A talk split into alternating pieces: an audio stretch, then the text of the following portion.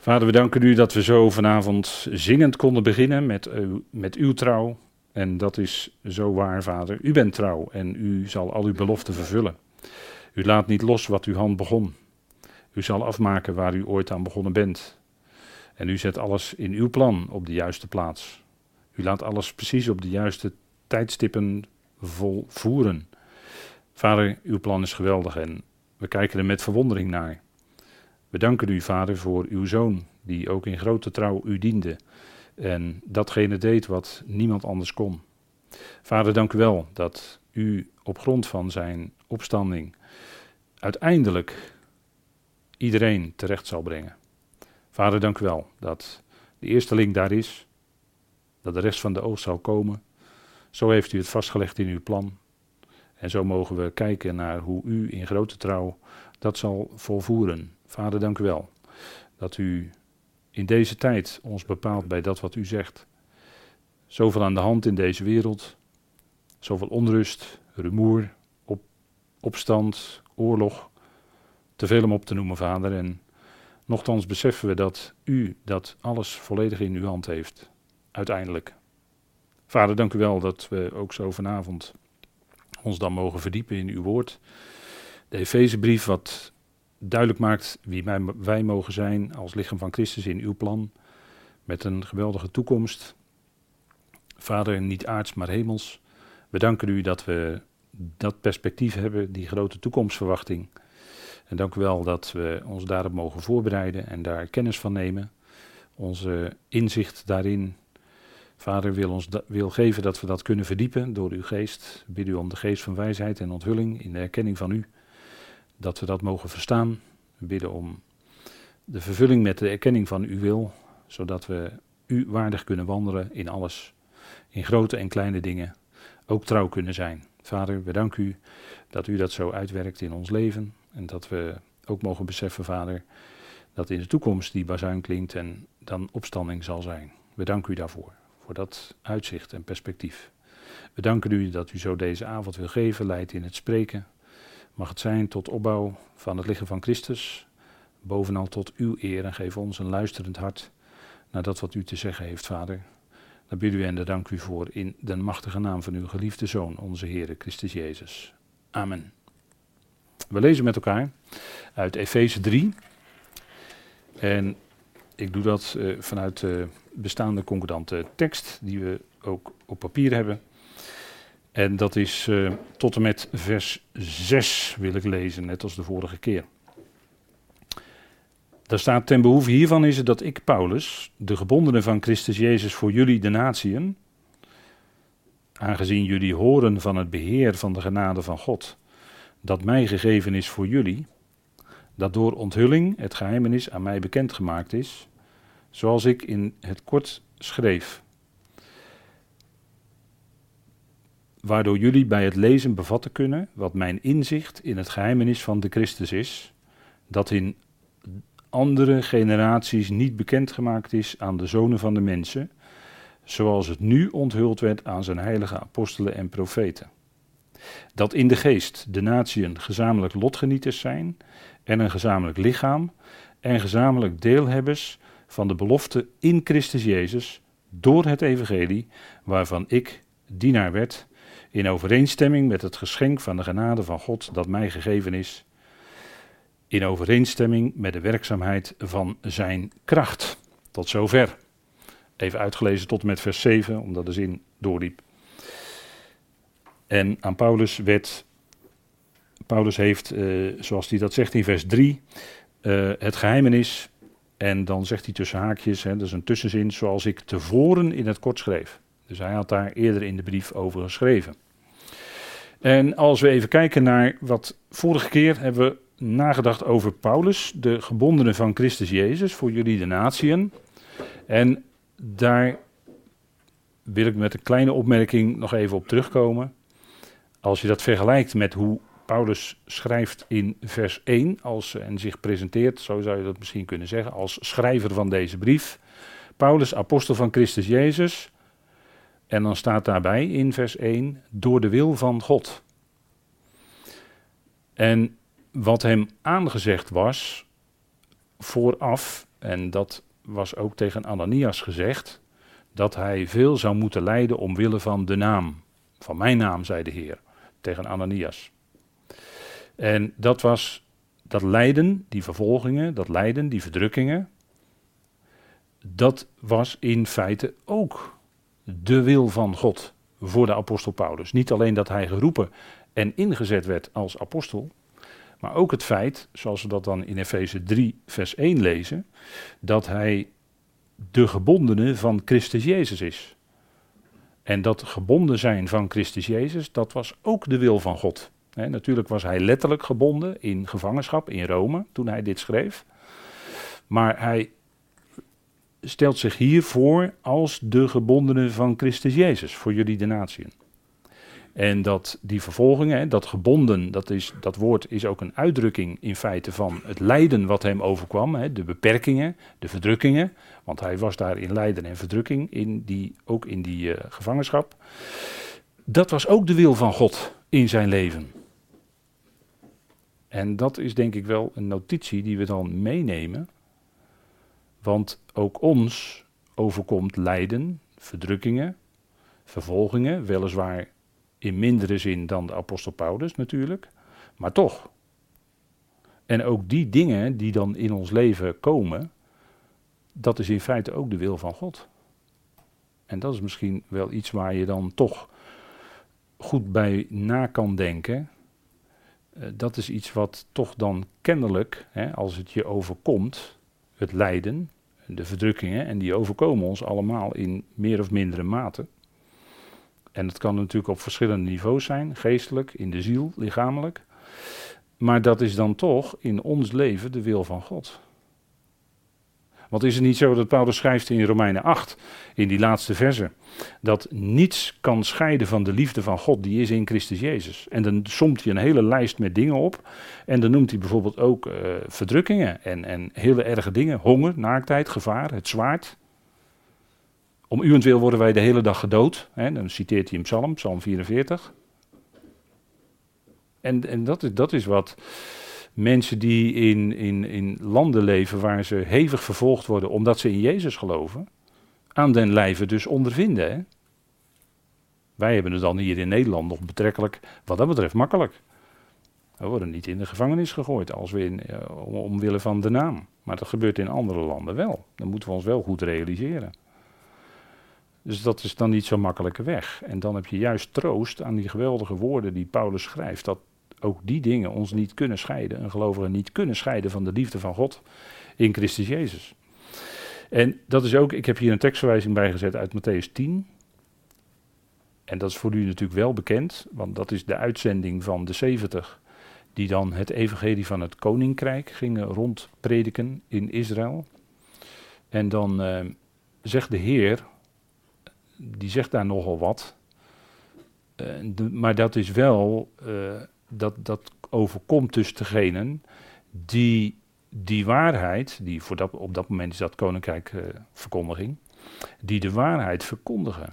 Dus als je de waarheid verkondigt, dan heeft dat consequenties. Als je de waarheid verkondigt, dan zal dat vroeg, vroeg of laat een of andere vorm van lijden in je leven teweeg brengen. En dat brengt de waarheid nu eenmaal met zich mee. De waarheid is helemaal niet makkelijk. We leven niet in de tijd dat de waarheid gewaardeerd wordt. De leugen regeert op alle niveaus. Op alle niveaus. En als je dan met de waarheid komt, dan ehm, eh, loop je de kans dat je het moeilijk krijgt. we zeggen dan in ons spraakgebruik wel eens, dan word je gedemoniseerd. die uitdrukking kent u wel, hè? En dat gebeurt. Mensen die voor de waarheid willen opkomen in deze tijd, die worden gedemoniseerd. En ja, dat is natuurlijk in Paulus' dagen was dat niet anders. En misschien kunnen we dat wel even opzoeken in Matthäus 10, wat de Heer Jezus daar zegt. En uh, dat is natuurlijk nog niet uh, volledig vervuld hoor, want toen werd het eventjes vervuld in die tijd.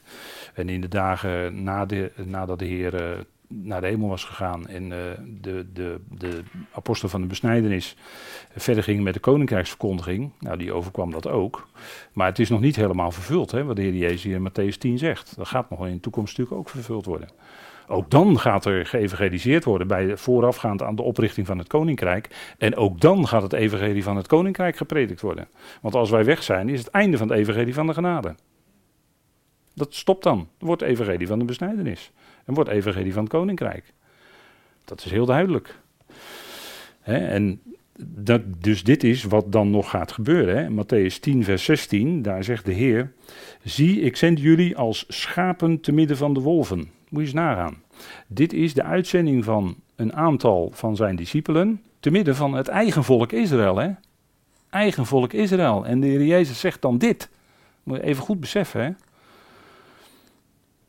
Ik zend u als schapen te midden van de wolven. Nou, we weten in Nederland inmiddels weer heel goed wat wolven doen hè, in de natuur. Hè, dat, die, wat doen die? Die bijten schapen dood. Hè? Dat doen wolven. Dat weet u. Dus wees dus bedachtzaam als de slangen en oprecht als de duiven. En dat is natuurlijk allemaal toen tegen de discipelen van Israël gezegd, zeker, maar ook dat kunnen wij ons tot voorbeeld nemen en daaruit leren. Wees op hoede voor de mensen, want zij zullen u overleveren aan de raadsvergaderingen en in hun synagogen zullen zij u geestelen, nota bene. In hun synagogen zullen zij u geestelen. Dit was profetisch wat de Heer hier zegt. En u weet dat in de eindtijd, in openbaring 2 en 3, daar wordt gesproken zelfs over de synagogen van de Satan. er wordt het woord synagoge ook gebruikt. He. Dat zijn degenen die zeggen dat zij Joden zijn, maar ze zijn het niet. Dat hebben we nadrukkelijk gezien in de studies van openbaring. Dat gaat natuurlijk allemaal spelen. Dat gaat in de eindtijd spelen, openbaring 2 en 3. Daar zijn, daar zijn we nog niet, maar dat gaat wel komen. En ze zullen u geestelen. U zult voor stadhouders en koningen geleid worden omwille van mij, tot een getuigenis voor hen en de natieën. En dat is ook iets wat in het verlengde daarvan ook Saulus Paulus overkwam.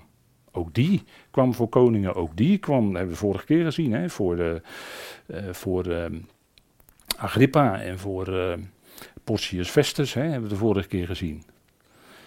dat overkwam Paulus zelf ook. En dan is het wonderlijke, wanneer zij u overleveren, moet u niet bezorgd zijn hoe of, hoe of wat u spreken moet, want het zal u op dat moment gegeven worden wat u spreken moet, want u bent het niet die spreekt, maar de geest van uw vader die in u spreekt. Dus dan zullen die woorden ook daadwerkelijk door de Vader, door de Geest gegeven worden aan degenen die dan rondgaan in die tijd. En dat is natuurlijk uh, duidelijk dat dit een uh, profetisch uh, gegeven is. En u kunt dan wel even doorlezen voor uzelf tot en met vers 23. Maar de Heer Jezus heeft natuurlijk later nog gezegd in Matthäus 24 dat jullie zullen alle gehaat worden door alle volkeren om mijns naams wil. Dus eh, zij zullen gehaat worden door alle volkeren. En zelfs, hè, degene die oprecht dan ook in, dan in die tijd in de Messias geloven, de Messias Jezus, die zullen dan zelfs door hun eigen volksgenoten vervolgd worden. Want dat is wat in Matthäus 24 de Heer ook zegt. Hè? Dus dat is nogal wat. En we, ja, dat, dat, is, uh, vervolgingen leiden verdrukkingen. Het is een illustratie, hè, Matthäus 10 is een illustratie van wat de verkondigers van de waarheid, en die ook dan straks voor die tijd geldt, in de aanloop naar het koninkrijk, zal overkomen. Lijden, verdrukkingen, de dood. Daadwerkelijk. Er zullen velen als martelaar omkomen in de grote verdrukking. dat zal zelfs een, een, een, menigte zijn die niemand tellen kan, staat er in openbaring die, zal, die zal dan wel in het koninkrijk zijn, maar dat zullen vele, vele Joodse mensen zijn. dat hebben we ook eh, toen gezien.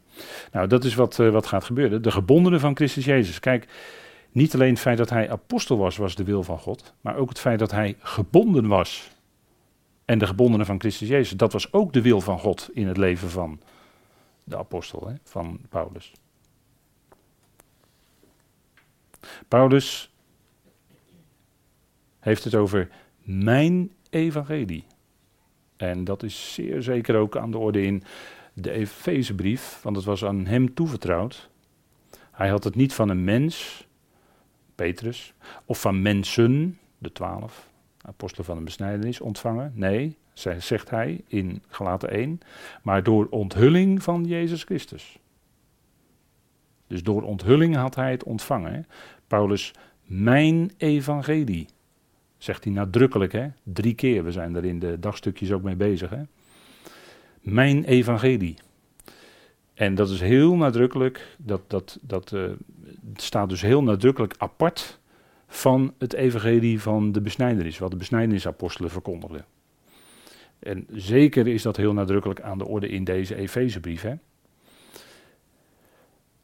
En als we het hebben over de Efezebrief, dan hebben we het ook over het zogenaamde Efeze-geheimenis, zoals we dat dan noemen. Dus het geheimenis wat in de Efezebrief naar voren komt.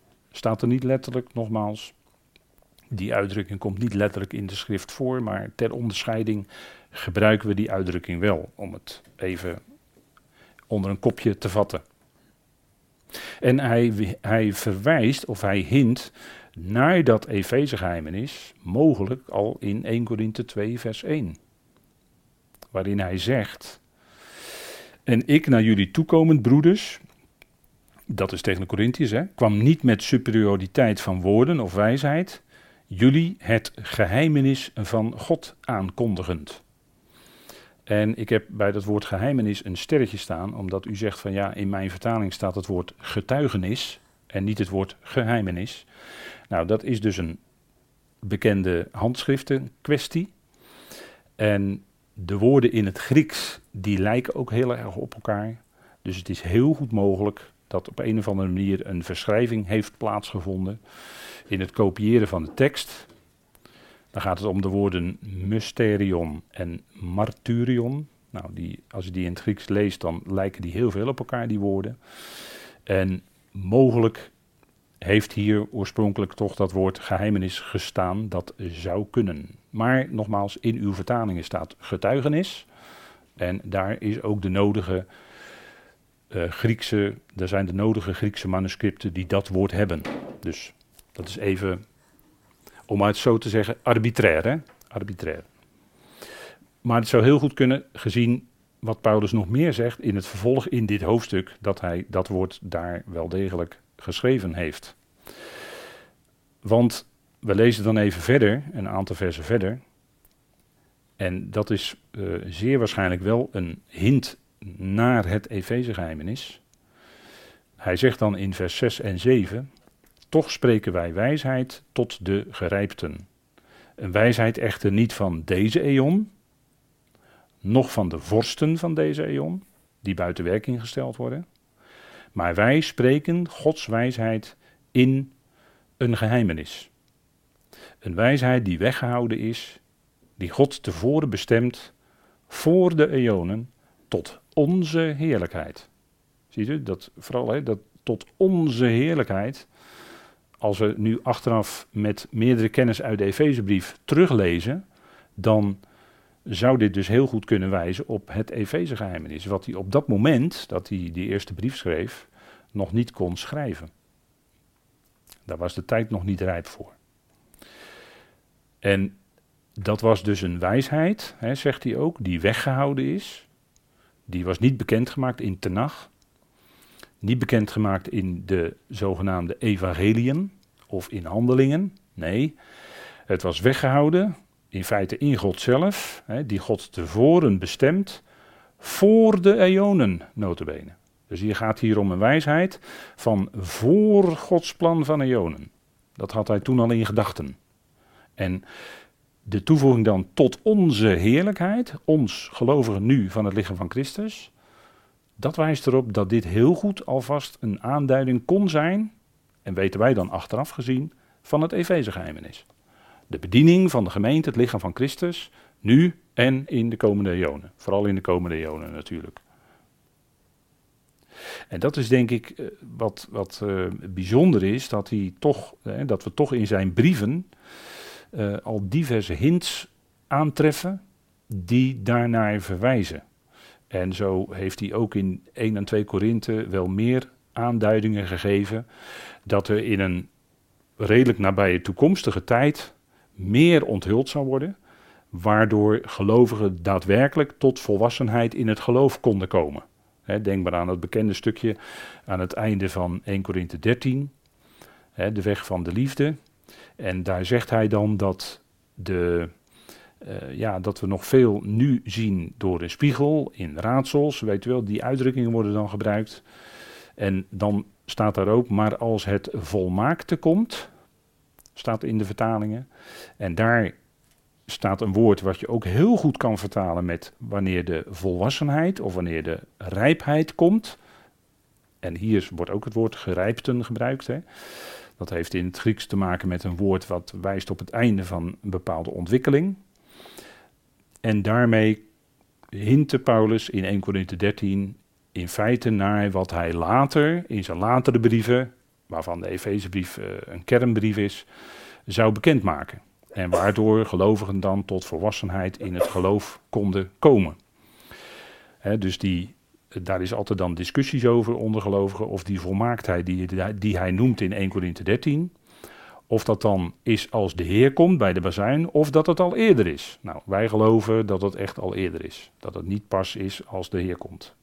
Maar dat je al eerder door de brieven van Paulus tot volwassenheid in het geloof kan komen, doordat je die geweldige dingen die in die brieven staan, hè, die geweldige geestelijke waarheden, uh, echt met het hart kan gaan verstaan. En dat is ook iets wat God je geeft. Dat is ook die groei die alleen God kan geven. En een groei is altijd in mensenleven ook tot volwassenheid, als het goed is. Dus hier kan hij ook heel goed in vers 6 en 7 al verwijzen naar, die, naar dat Efeze En vandaar dat ook in vers 1, wat ik net noemde, dat woord geheimenis door hem gebruikt kan zijn. Maar nogmaals, er, is, uh, wat, uh, er, is, uh, er zijn verschillende Griekse geschriften die dus zowel het woord getuigenis als het woord geheimenis gebruiken. Opdat hun harten, en dit is dan een aanwijzing wel in een volkomenheidsbrief, die waarschijnlijk ook verwijst naar het Efeze geheimenis, opdat hun harten aangesproken worden, verenigd in liefde, en tot alle rijkdom van de volkomen zekerheid van het inzicht, tot erkenning van het geheimenis van de God en Vader van Christus, waarin alle schatten van wijsheid en kennis verborgen zijn. Dan gaat er dan verder in de tekst. Maar dit is waarschijnlijk ook een verwijzing naar dat Efeze geheimenis. En als je dat gaat verstaan, dan volgroeien, hè, dan, dan eh, we groeien verder door in de liefde. Dat klinkt natuurlijk heel nadrukkelijk in dat derde hoofdstuk waar we nu eigenlijk mee bezig zijn, Efeze 3, de liefde. Want daar draait het uiteindelijk allemaal om, de, de liefde van God de Vader. Verenigd in liefde tot alle rijkdom van de volkomen zekerheid van het inzicht. Tot erkenning van het geheimenis. En natuurlijk gaat het in Colossense groots over het geheimenis van Christus. Maar om tot een volkomen zekerheid en inzicht te komen, is dat Efeze geheimenis echt noodzakelijk om dat goed te verstaan. Pas dan ga je ook de volle rijkwijde en diepte van het geheimenis van Christus verstaan. En misschien is dat wel een beetje moeilijk als ik dat zo zeg. Maar dit is waarschijnlijk toch ook, ook een verwijzing naar dat Efeze-geheimenis. Waarvoor, waar het bij ons, hè, waar het voor ons als gelovigen toch heel erg om draait. Ja, dat is. Uh, Paulus heeft veel mogen onthullen. En die verschillende geheimenissen, als je die naast elkaar zet, dan is het niet zo eenvoudig. Is niet zo eenvoudig. Maar we wilden natuurlijk wel nadrukkelijk naar kijken, omdat uh, zowel het uh, geheimenis van Christus genoemd wordt in, door Paulus in de Efezebrief. Maar de Efezebrief gaat natuurlijk vooral om dat grote Efeze-geheimenis, wat hij uitvoerig bespreekt. En die dingen, die sluiten natuurlijk op elkaar aan. Hè. Die, die, die grijpen in elkaar, zou je kunnen zeggen. Het heeft alles met elkaar te maken. Maar toch moeten ze ook leren onderscheiden. Anders dan uh, kom, kom je in verwarring. En er is heel veel verwarring en het blijkt ook uit de vertalingen. Paulus zegt dan in uh, vers 4, waardoor jullie, waardoor jullie bij het lezen, Efeze 3 vers 4, waardoor jullie bij het lezen kunnen bevatten wat mijn inzicht in het geheimenis van de Christus is. Dus daar spreekt hij even over dat geheimenis van Christus. En hij spreekt over zijn inzicht. En dat was uniek in het geheimenis van Christus. En zoals ik daarnet al heel even noemde, wordt dat geheimenis van Christus uitvoerig besproken in de Colossensebrief. U ziet daar de tekstverwijzingen, dus dat kunt u eh, op uw gemak eh, later weer eens teruglezen. En misschien als u dat wilt ook nog luisteren, want dat hebben we natuurlijk ook uitvoerig besproken met elkaar.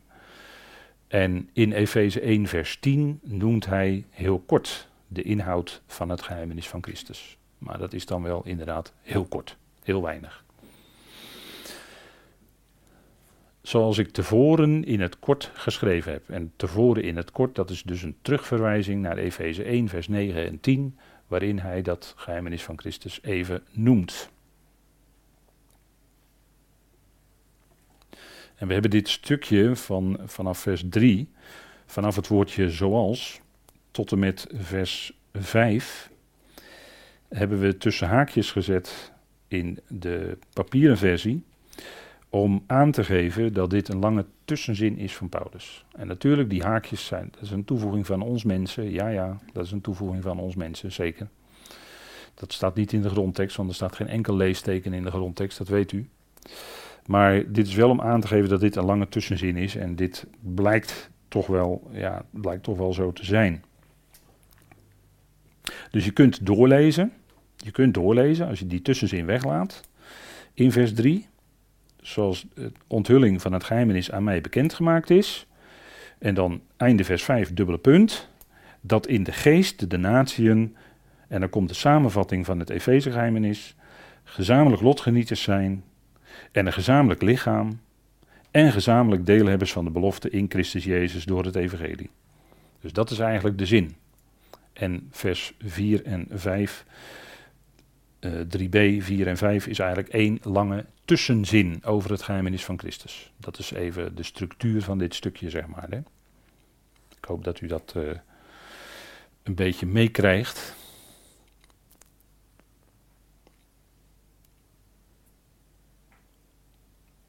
En dit, op deze dia heb ik heel even voor uw gedachtenbepaling even gezet wat het geheimenis van Christus is. Het al wat in hem geschapen is, hè, en alles is oorspronkelijk in hem geschapen. Hij is de eerstgeborene van heel de schepping, de zoon van zijn liefde. Wordt ook door hem verzoend. Dus al wat in hem geschapen is, die hele schepping, al het geschapene, zichtbaar, onzichtbaar, mensen, hemelingen, worden ook door hem verzoend met God. En dat is een enorme rijkwijde, want het omvat de hele schepping. In hemelen en op aarde, zichtbaar en onzichtbaar. Dat is heel kort samengevat het geheimenis van Christus. En dat is natuurlijk geweldig als we dit zo mogen weten uit Colossense. Het is natuurlijk geweldig als je dit mag weten. Want uh, ja, we leven in de tijd dat dit heel veel gelovigen ontgaat. Dat dit zo in elkaar zit. terwijl je na verloop van tijd toch zo duidelijk voor jezelf als gelovige dan kan constateren, als je dit mag verstaan. Ja, het is allemaal zo duidelijk. Het is allemaal zo duidelijk. En, en dan vraag je je wel eens af, ja, hoe kan het nou dat anderen dat niet zien? Nou, dat is een stukje blindheid, een stukje verblinding. En dat heeft allerlei oorzaken. Maar goed, daarvoor kunnen we misschien eens in een gesprekje iets laten vallen. Of we kunnen misschien eens een brochure doorgeven aan mensen. Dat kan ook natuurlijk hier over rechtvaardiging. Eh, vergeving van zonde of rechtvaardiging, Jacob en Esau. Ook een fijne brochure. Dan kunnen de verschillen. Het is heel fijn dat je dan de verschillen gaat zien hè, en, en hoe God uitkiest. En, en, dat zijn ook aspecten waar heel veel verwarring over is en waar heel veel onzekerheid en angsten uit voortkomen. Hè, een verkeerd idee over, over Gods uitkiezen. En dat wordt dan ook uit de doeken gedaan. Dus dat is gewoon fijn om dat door te geven. Hè. Maar de geheimenis van Christus, dat is natuurlijk iets geweldigs. Hè? En Paulus zegt daar ook van, in, uh, dat hebben we net gezien, in uh, Colossense 2, dat daarin alle schatten van wijsheid en kennis verborgen zijn. In hem, in de Christus. En hij maakt dat allemaal bekend. In Efeze 3, de vraag is dan, gaat het daar werkelijk om twee geheimenissen? Gaat het daar werkelijk om twee geheimenissen? Dat is de vraag. En daarop willen we antwoord vinden. En uh, we zijn positief gestemd. We zeggen gewoon ja. Twee geheimenissen zijn, worden genoemd in Efeze 3, in het hoofdstuk. En daar kunnen we vijf, maar liefst in dat korte stukje, vijf argumenten voor terugvinden. En dat is natuurlijk nogal wat. Dan zegt u nou, dat is nogal wat. Het gaat over twee geheimenissen. En ik heb ze natuurlijk al in, daarnet kortweg genoemd in het spreken. Het Efeze geheimenis en het geheimenis van Christus. Die twee worden genoemd. Die hebben heel nauw verband met elkaar. En toch zijn het twee verschillende geheimenissen. En daarvoor vinden wij dus in de tekst in Efeze 3, vinden wij maar liefst vijf redenen. En de eerste is dat Paulus zegt in vers 3, het woordje zoals. En dat woordje zoals, dat heeft te maken met, uh, ja, dat heeft een beetje de klank in zich van dat het ergens mee in overeenstemming is. Het komt ergens mee overeen. Het is ergens mee, ja, misschien kan je zeggen, het is ermee in harmonie. Zoals ik tevoren kort schreef.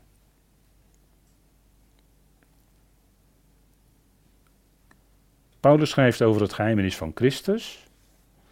En daarvan zegt hij: Zoals ik tevoren in het kort schreef. En dat, hij, dat is dan in harmonie, wat hij nu gaat zeggen. En hij refereert dus aan Efeze 1, vers 9 en 10, waarin hij even dat geheimenis van Christus noemde. En dan zegt hij ja, zoals, dat is dus in harmonie met dat geheimenis wat door onthulling aan hem bekendgemaakt is. En wat hij dus in vers 3 noemt. Hij zegt dat door onthulling het geheimenis aan mij bekendgemaakt is. En met die zin bedoelt hij dat Efeze geheimenis. En dan gaat hij zeggen, dan gaat hij verder toe, een lange tussenzin gaat hij een toelichting geven, zoals ik tevoren in het kort schreef, waardoor jullie bij het lezen bevatten kunnen wat mijn inzicht in het geheimenis van de Christus is. Dus omdat Paulus dat Efeze geheimenis had ontvangen om door te geven, dat was ook zijn inzicht in het geheimenis van Christus. En dat is daar dus mee in harmonie. Dat sluit op elkaar aan. En dat wil dus zeggen dat het wel degelijk gaat om twee verschillende geheimenissen. Ik hoop dat u het mee kan, mee kan in deze gedachte. Het is misschien een beetje lastig en het is laat op de dag. Maar dat is een punt, hè? Iets wat in harmonie of in overeenstemming is met iets anders, dan, heb, dan praat je dus over twee verschillende dingen. Noem maar twee verschillende kleuren. Welke kleuren harmoniëren met elkaar? Groen en geel zou je kunnen zeggen. Groen is in harmonie met geel. Dat kun je goed bij elkaar mengen. Maar dan heb je het wel over twee verschillende kleuren. Maar die zijn wel in harmonie met elkaar. Misschien een verkeerd voorbeeld, maar ik probeer het. Muziekstukken. Daar gebruik je ook verschillende toonsoorten of toonhoogten. En die zijn dan met, in harmonie met elkaar. Dat brengt een harmonieus muziekstuk naar voren. En dan heb je dus wel twee verschillende toonsoorten, maar die brengen samen een harmonieus geheel naar voren. En het klinkt prettig in je oren. En dan moet je zorgen dat het ook harmonieus klinkt. Ja, en dat is denk ik ook zo. En zo zou je dat misschien ook kunnen zien met deze twee geheimenissen. Ze hebben alles met elkaar te maken, maar toch gaat het om twee verschillende dingen. Ja? Het tweede punt, het tweede argument waarom het gaat om twee verschillende geheimenissen. Paulus schreef over het geheimenis van de Christus in het kort. U ziet de tekstwijzingen erbij staan. Ik heb ze genoemd. Terwijl hij zeer uitvoerig het Efeze geheimenis beschrijft. Ja, in een heel lang stuk tekst. Van 1 vers 3 tot en met 2 vers 22. dus dan heb je dat hele korte van een paar versen. Tegenover dat hele uitvoerige waar hij tot op dat moment tot hoofdstuk 3 aan toe al mee bezig was om te omschrijven. Het Efezegeheimnis. De plaats van de gemeente in Gods plan. De plaats van het lichaam van Christus in Gods plan. Dus dat is een tweede punt. dus in het kort tegenover uitvoerig. Het derde argument is. Het geheimenis van de Christus draait vooral, over, draait vooral om Christus zelf. Het geheimenis van Christus wil zeggen dat alles Dat al dat geschapene, zichtbaar en onzichtbaar, komt onder zijn voeten, maar hij is het hoofd. Hij is degene die daarover op een gegeven moment regeert. Dus het draait dan om hem hè, in dat geheimenis. En in het Efeze-geheimenis, de Efezebrief, gaat het om ons, om het lichaam van Christus vooral. Natuurlijk wordt hij beschreven als het hoofd, maar niet uitvoerig, heel kort. En het gaat heel uitgebreid over al die geestelijke zegeningen, de plaats die al die leden van het lichaam van Christus, wat dat lichaam van Christus heeft in Gods plan. In Colossense gaat het zeer uitgebreid over de Christus, over de zoon van zijn liefde, wie hij is. Daar gaat het over het geheimenis van Christus heel uitvoerig. En in Efeze gaat het heel uitvoerig over de gemeente die het lichaam van Christus is. Dus dat is een uh, derde punt, hè? derde argument. Waarom het gaat om twee verschillende. Ja, ik hoop dat u er allemaal al mee kan maken. Het vierde. En dat wordt ook hier gezegd, ook in de tekst. Het geheimenis van de Christus. Paulus' inzicht in het geheimenis van de Christus. Dat in de andere generaties niet bekendgemaakt is aan de zonen van de mensen, zoals het nu onthuld werd aan zijn heilige apostelen en profeten.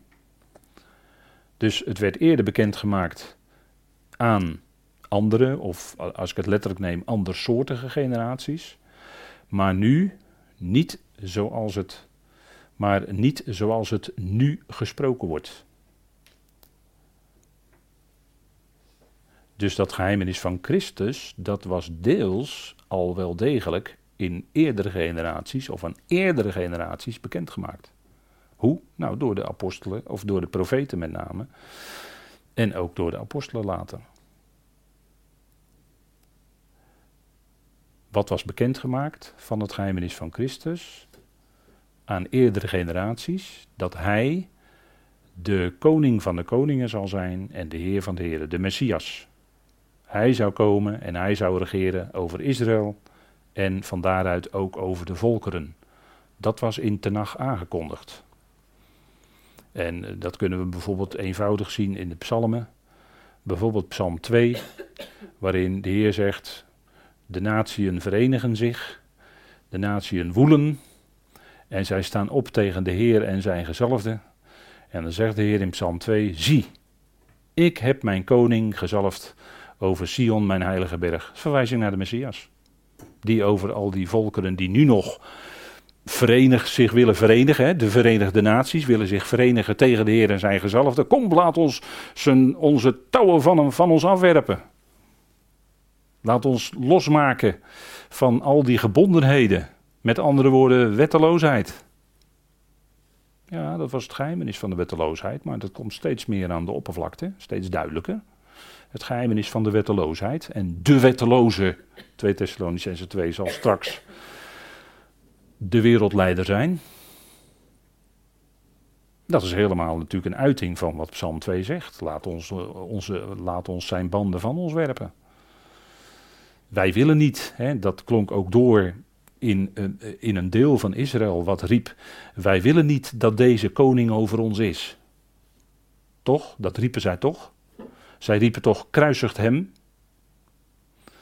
Nou, dat, uh, dat is uh, de idee bij de volkeren ook. Hè? Wij willen niet dat Jezus Christus over ons zal regeren. Wij willen zelf de dienst uitmaken. De Verenigde Naties, de rechten van de mens en al dat soort dingen. Hè? En al die uh, instituten die daarmee te maken hebben, dat zijn allemaal uitingen van in feite de opstand tegen de mens, tegen God. Wat, willen we, wat zullen we nou hebben? Daarom revolutie, hè? revolte, revolutie omkering. Dat is allemaal een uiting van rebellie van de mens tegen God. En dat gaat op zekere hoogte, laat God dat gaan, omdat het nog steeds genadetijd is. Maar er zal natuurlijk een tijd komen dat God zegt, en nu is het afgelopen. Nu gaat mijn Messias komen, want ik heb hem al lang gezalfd. En dan gaat hij de zaken helemaal rechtzetten. En dat zal in zeer korte tijd gaan, maar wel heel diep ingrijpend. En dan zal de Heer verderven die nu nog de aarde verderven. Hij zal verderven, zegt de openbaring, die nu nog de aarde verderven. Dat zal gaan gebeuren. Als wij weg zijn, dan is het tijd van gericht. Gaat komen. Er zal niet aan te ontkomen zijn. En dat zal ineens zo zijn, hè, zegt Paulus in 1 Thessalonicense 5. Ineens zal daar een totale ineenstorting zijn van het systeem. En wie doet dat? God. Die doet zo. En dan gaat het hele systeem onderuit. Wat nu opgebouwd is. Kijk, die Messias, die was, hè, als we het hebben over de psalmen, kunnen natuurlijk ook zeggen, psalm 110. Hè, dat, daarin wordt hij aangekondigd als koning en priester naar de ordening van Melchizedek. Hè, waar dan zeer uitvoerig in de Hebreeënbrief over gesproken wordt. Maar hij zal natuurlijk eh, koning en priester zijn in de komende eeuw. Natuurlijk. Maar dat is nog een kwestie van tijd. Wat mij betreft nog een hele korte tijd.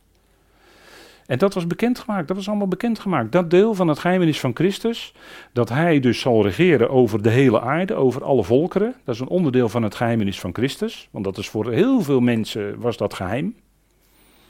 Aan, bij Israël was het bekend, want die had het licht van de schriften, die had het licht van de profeten.